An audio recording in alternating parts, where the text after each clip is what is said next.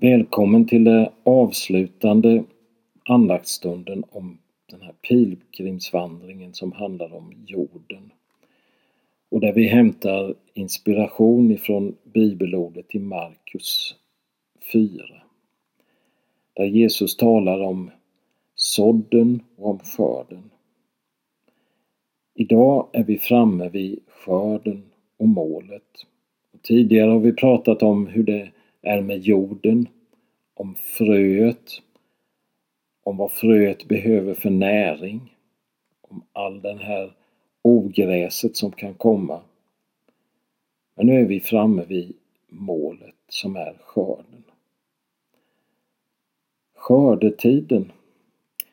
I en trädgård är nog skördetiden en utav de bästa tiderna. Innan har det varit arbete, planering av jorden, det har varit sådden.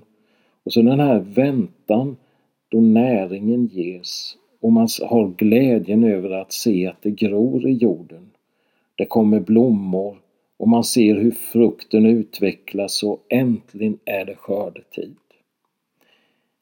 I vårat växthus här har vi skördat den första gurkan nu.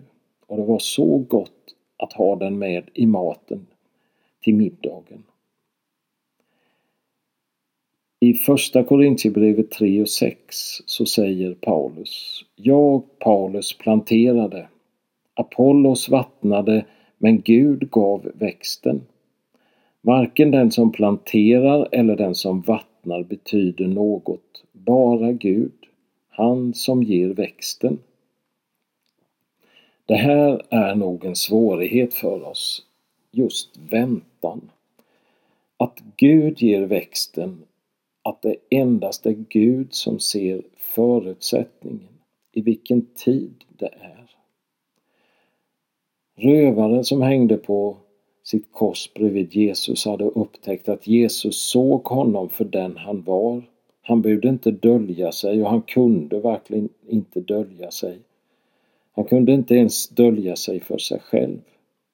Trots den här sena tidpunkten i rövarens liv såg Jesus möjligheten till skörd, en god skörd. I Saltaren 139 står det Gud, du vävde mig i moderlivet. Du kände mig allt igenom. Du såg mig. Vi sjunger en psalm ibland ur vår psalmbok och det är psalmen 210. I andra versen så står det Jag vet det visst att du ser på mig och vad jag ber vill du höra. Så skydda mig med din starka hand, du Fader god utan like. Och låt mig växa för livets land, som är ditt himmelska rike. Det var nu rövarens liv började blomma.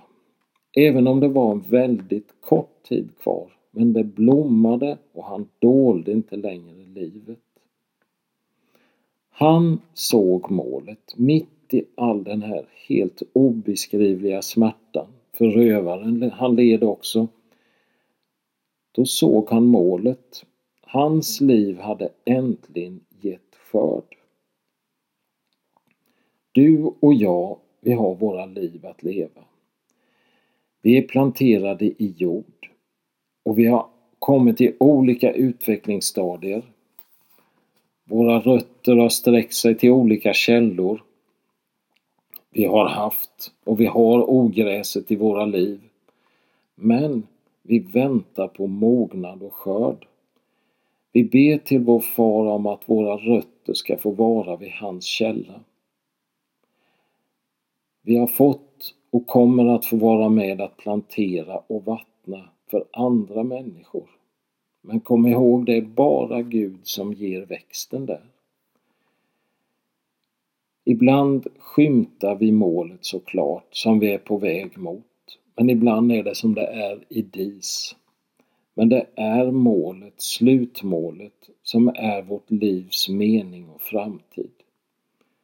en dag är det skördetid för våra egna liv.